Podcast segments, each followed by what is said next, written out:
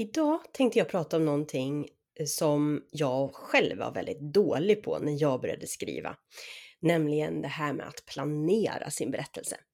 Och om du är lite som jag var när jag började, ja, då tror jag att det här avsnittet är för dig.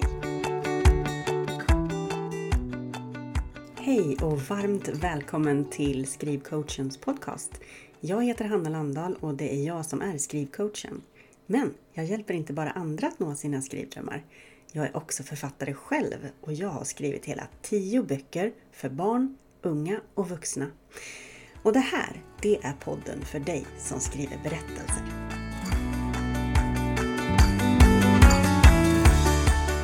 Det här med att planera sin berättelse eller vara helt fri när man skriver. Hur ska man egentligen tänka där? För å ena sidan kan ju skrivandet vara den där fantastiska fria platsen där det liksom inte finns några regler. Alltså en sån där plats som man ja, kan fly från.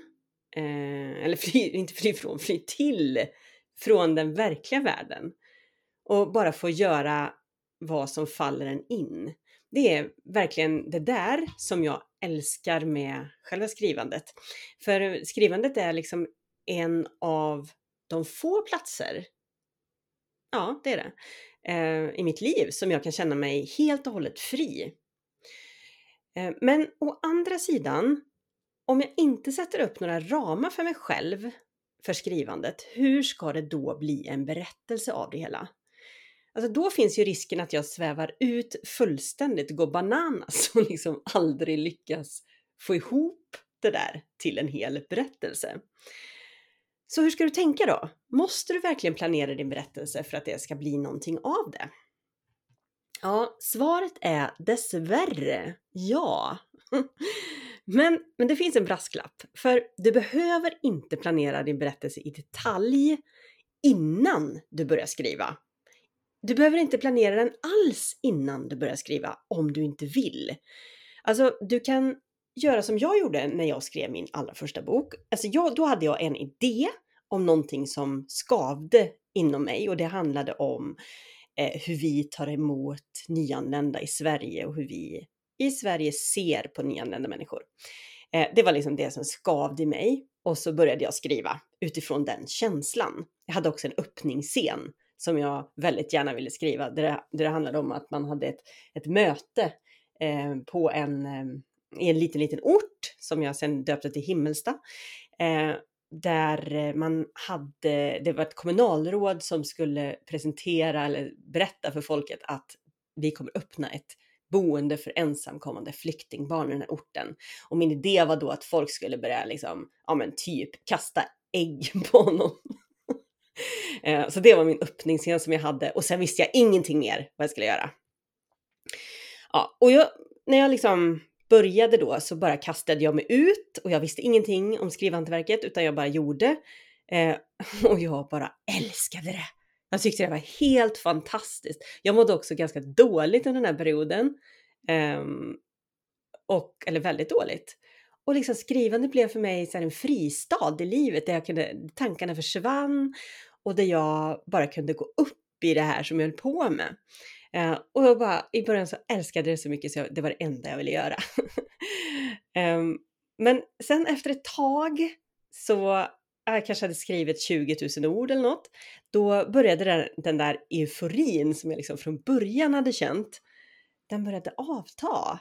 Och jag började se på min text och så undrade jag, alltså vad är det jag håller på med här? Vad är det för slags berättelse som jag vill skriva eller vad är det som jag håller på att skriva? Och var är den på väg? Och jag blev väldigt villrådig då och insåg då att efter liksom mycket funderande och velande och, och oro också för att jag inte plöts plötsligt inte kände den där euforin längre som jag hade gjort från början.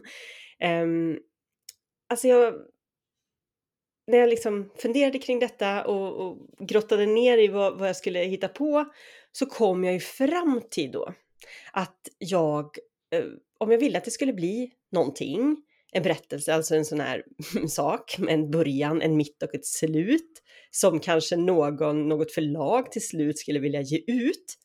ja men då var jag ju tvungen att liksom börja sätta upp ramar och bestämma saker och, och liksom eh, planera hur det skulle fortsätta och vilka karaktärer jag egentligen skulle följa.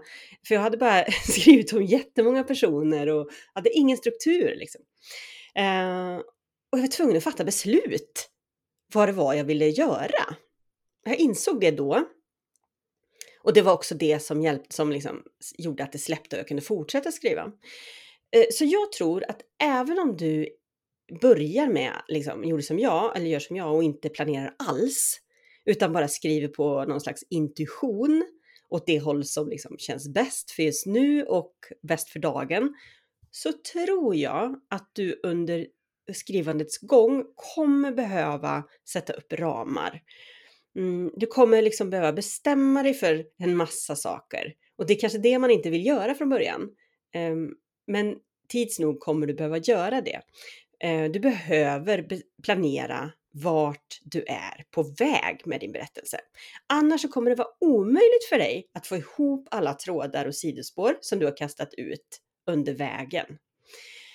Och jag har faktiskt kommit fram till att mitt skrivande blir både roligare och framförallt mycket mer effektivt om jag planerar min berättelse redan innan jag börjar skriva. Så efter den här första berättelsen så har jag experimenterat lite ska jag säga med om jag planerat eller varit fri.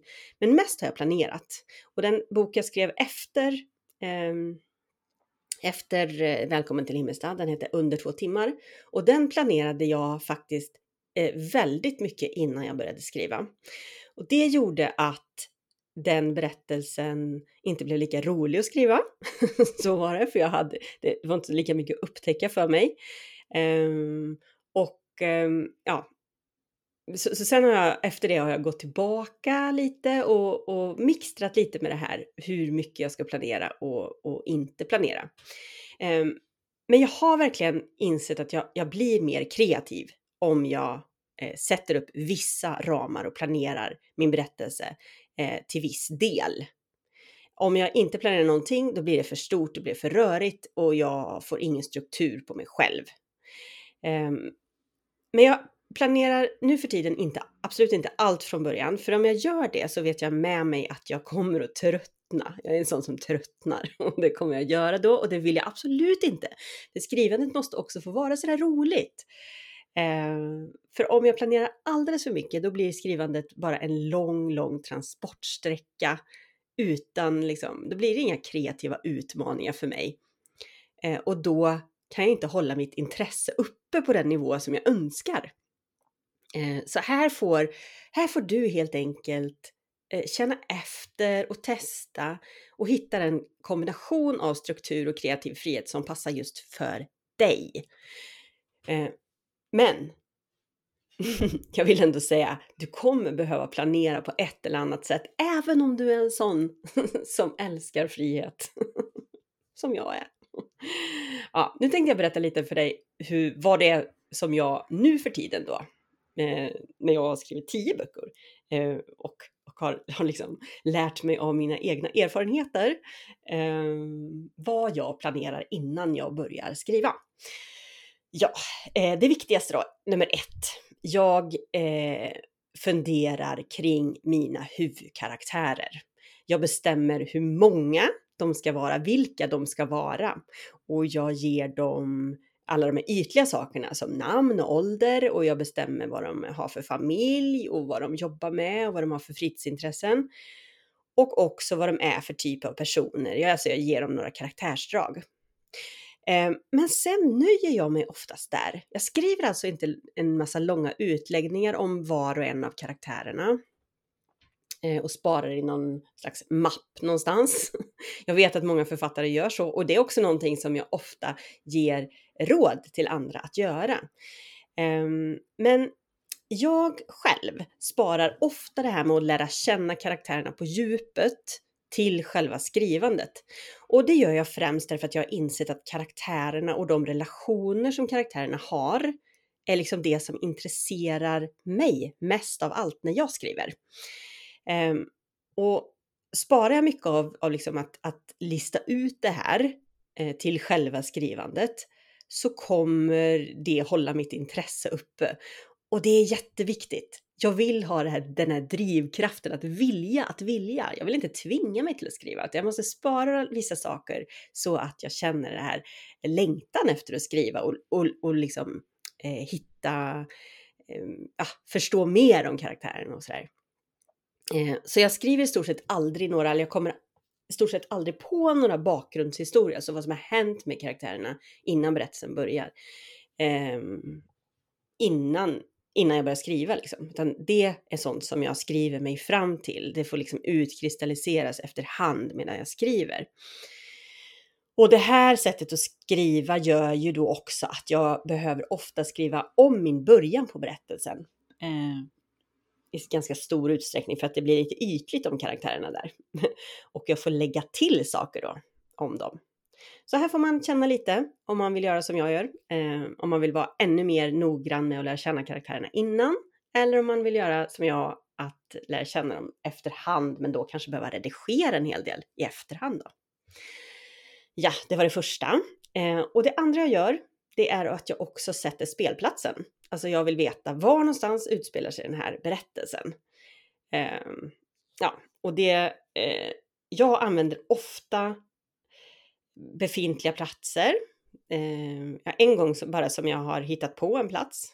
Mm. Annars har jag använt platser och jag har använt platser som jag känner till väl.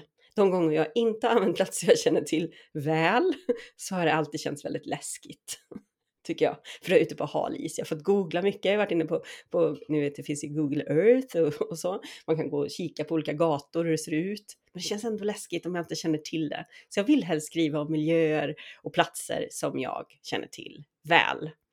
Det ger mig också en kreativ frihet, för jag behöver inte liksom vara osäker i det här. Hur ser det egentligen ut där och kan man göra så där? Och, och, och, är den där gatan enkelriktad eller hur är det med det? Och heter den där skolan så? Och hur ser den egentligen ut inuti?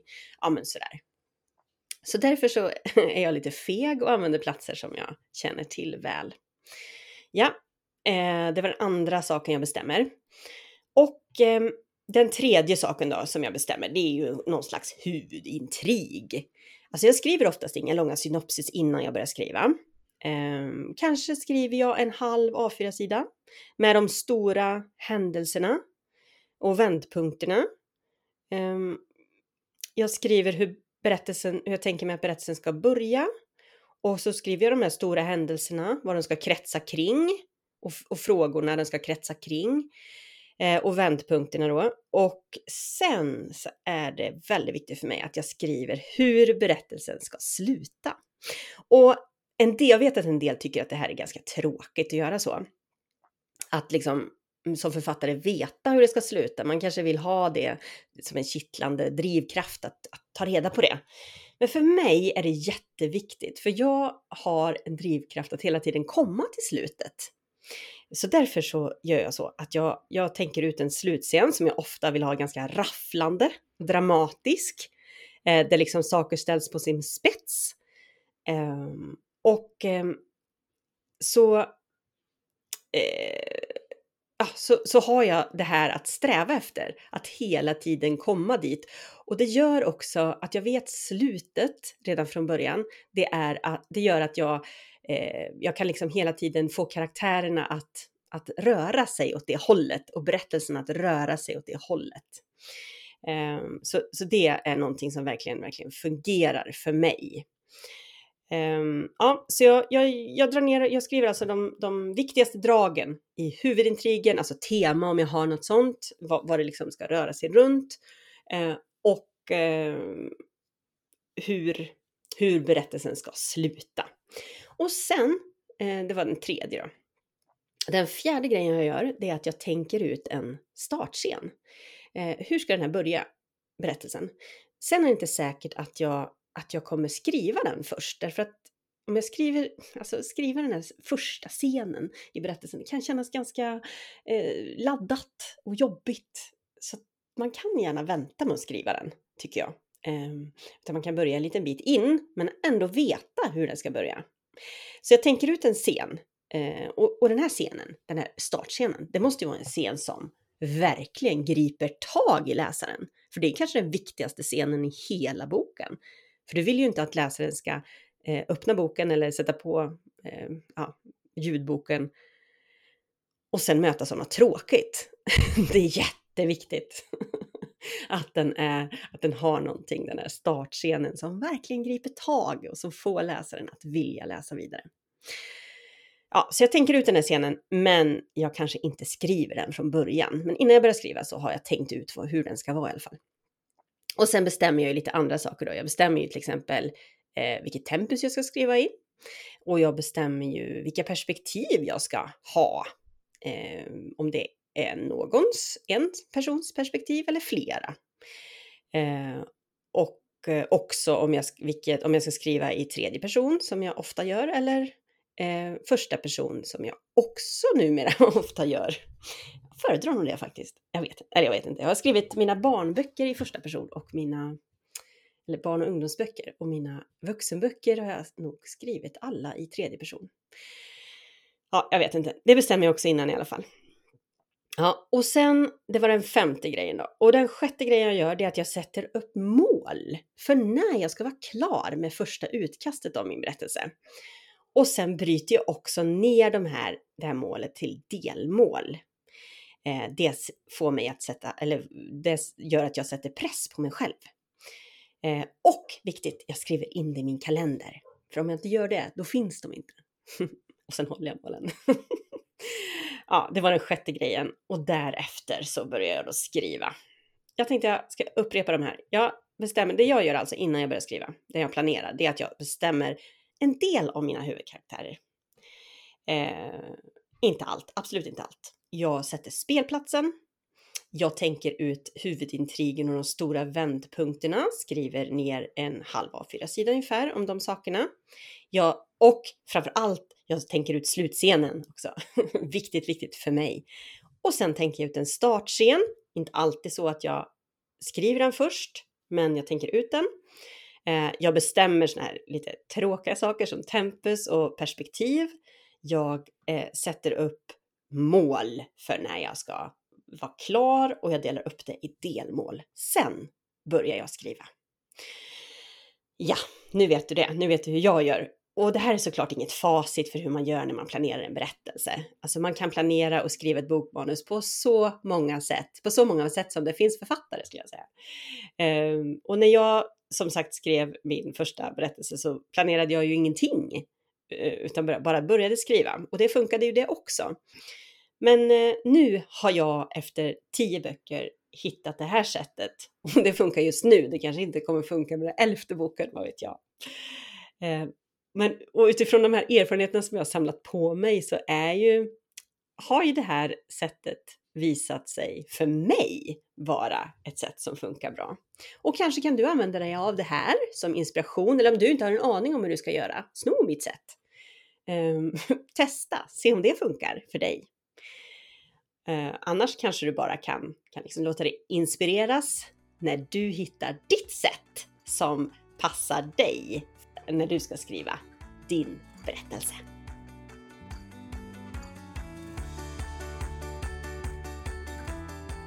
Stort tack för att du har lyssnat på det här avsnittet av Skrivcoachens podcast.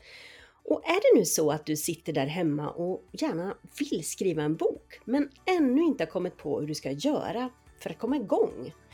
Ja, men i så fall har jag faktiskt en lösning för dig. Ja, det har jag. För nu kan du anmäla dig till min kostnadsfria minikurs Kom igång och börja skriv. Den drar igång den 23 augusti och den är helt online och du kan göra den i din egen takt när det passar just dig. Eh, du hittar en länk till anmälan i anteckningarna till det här avsnittet.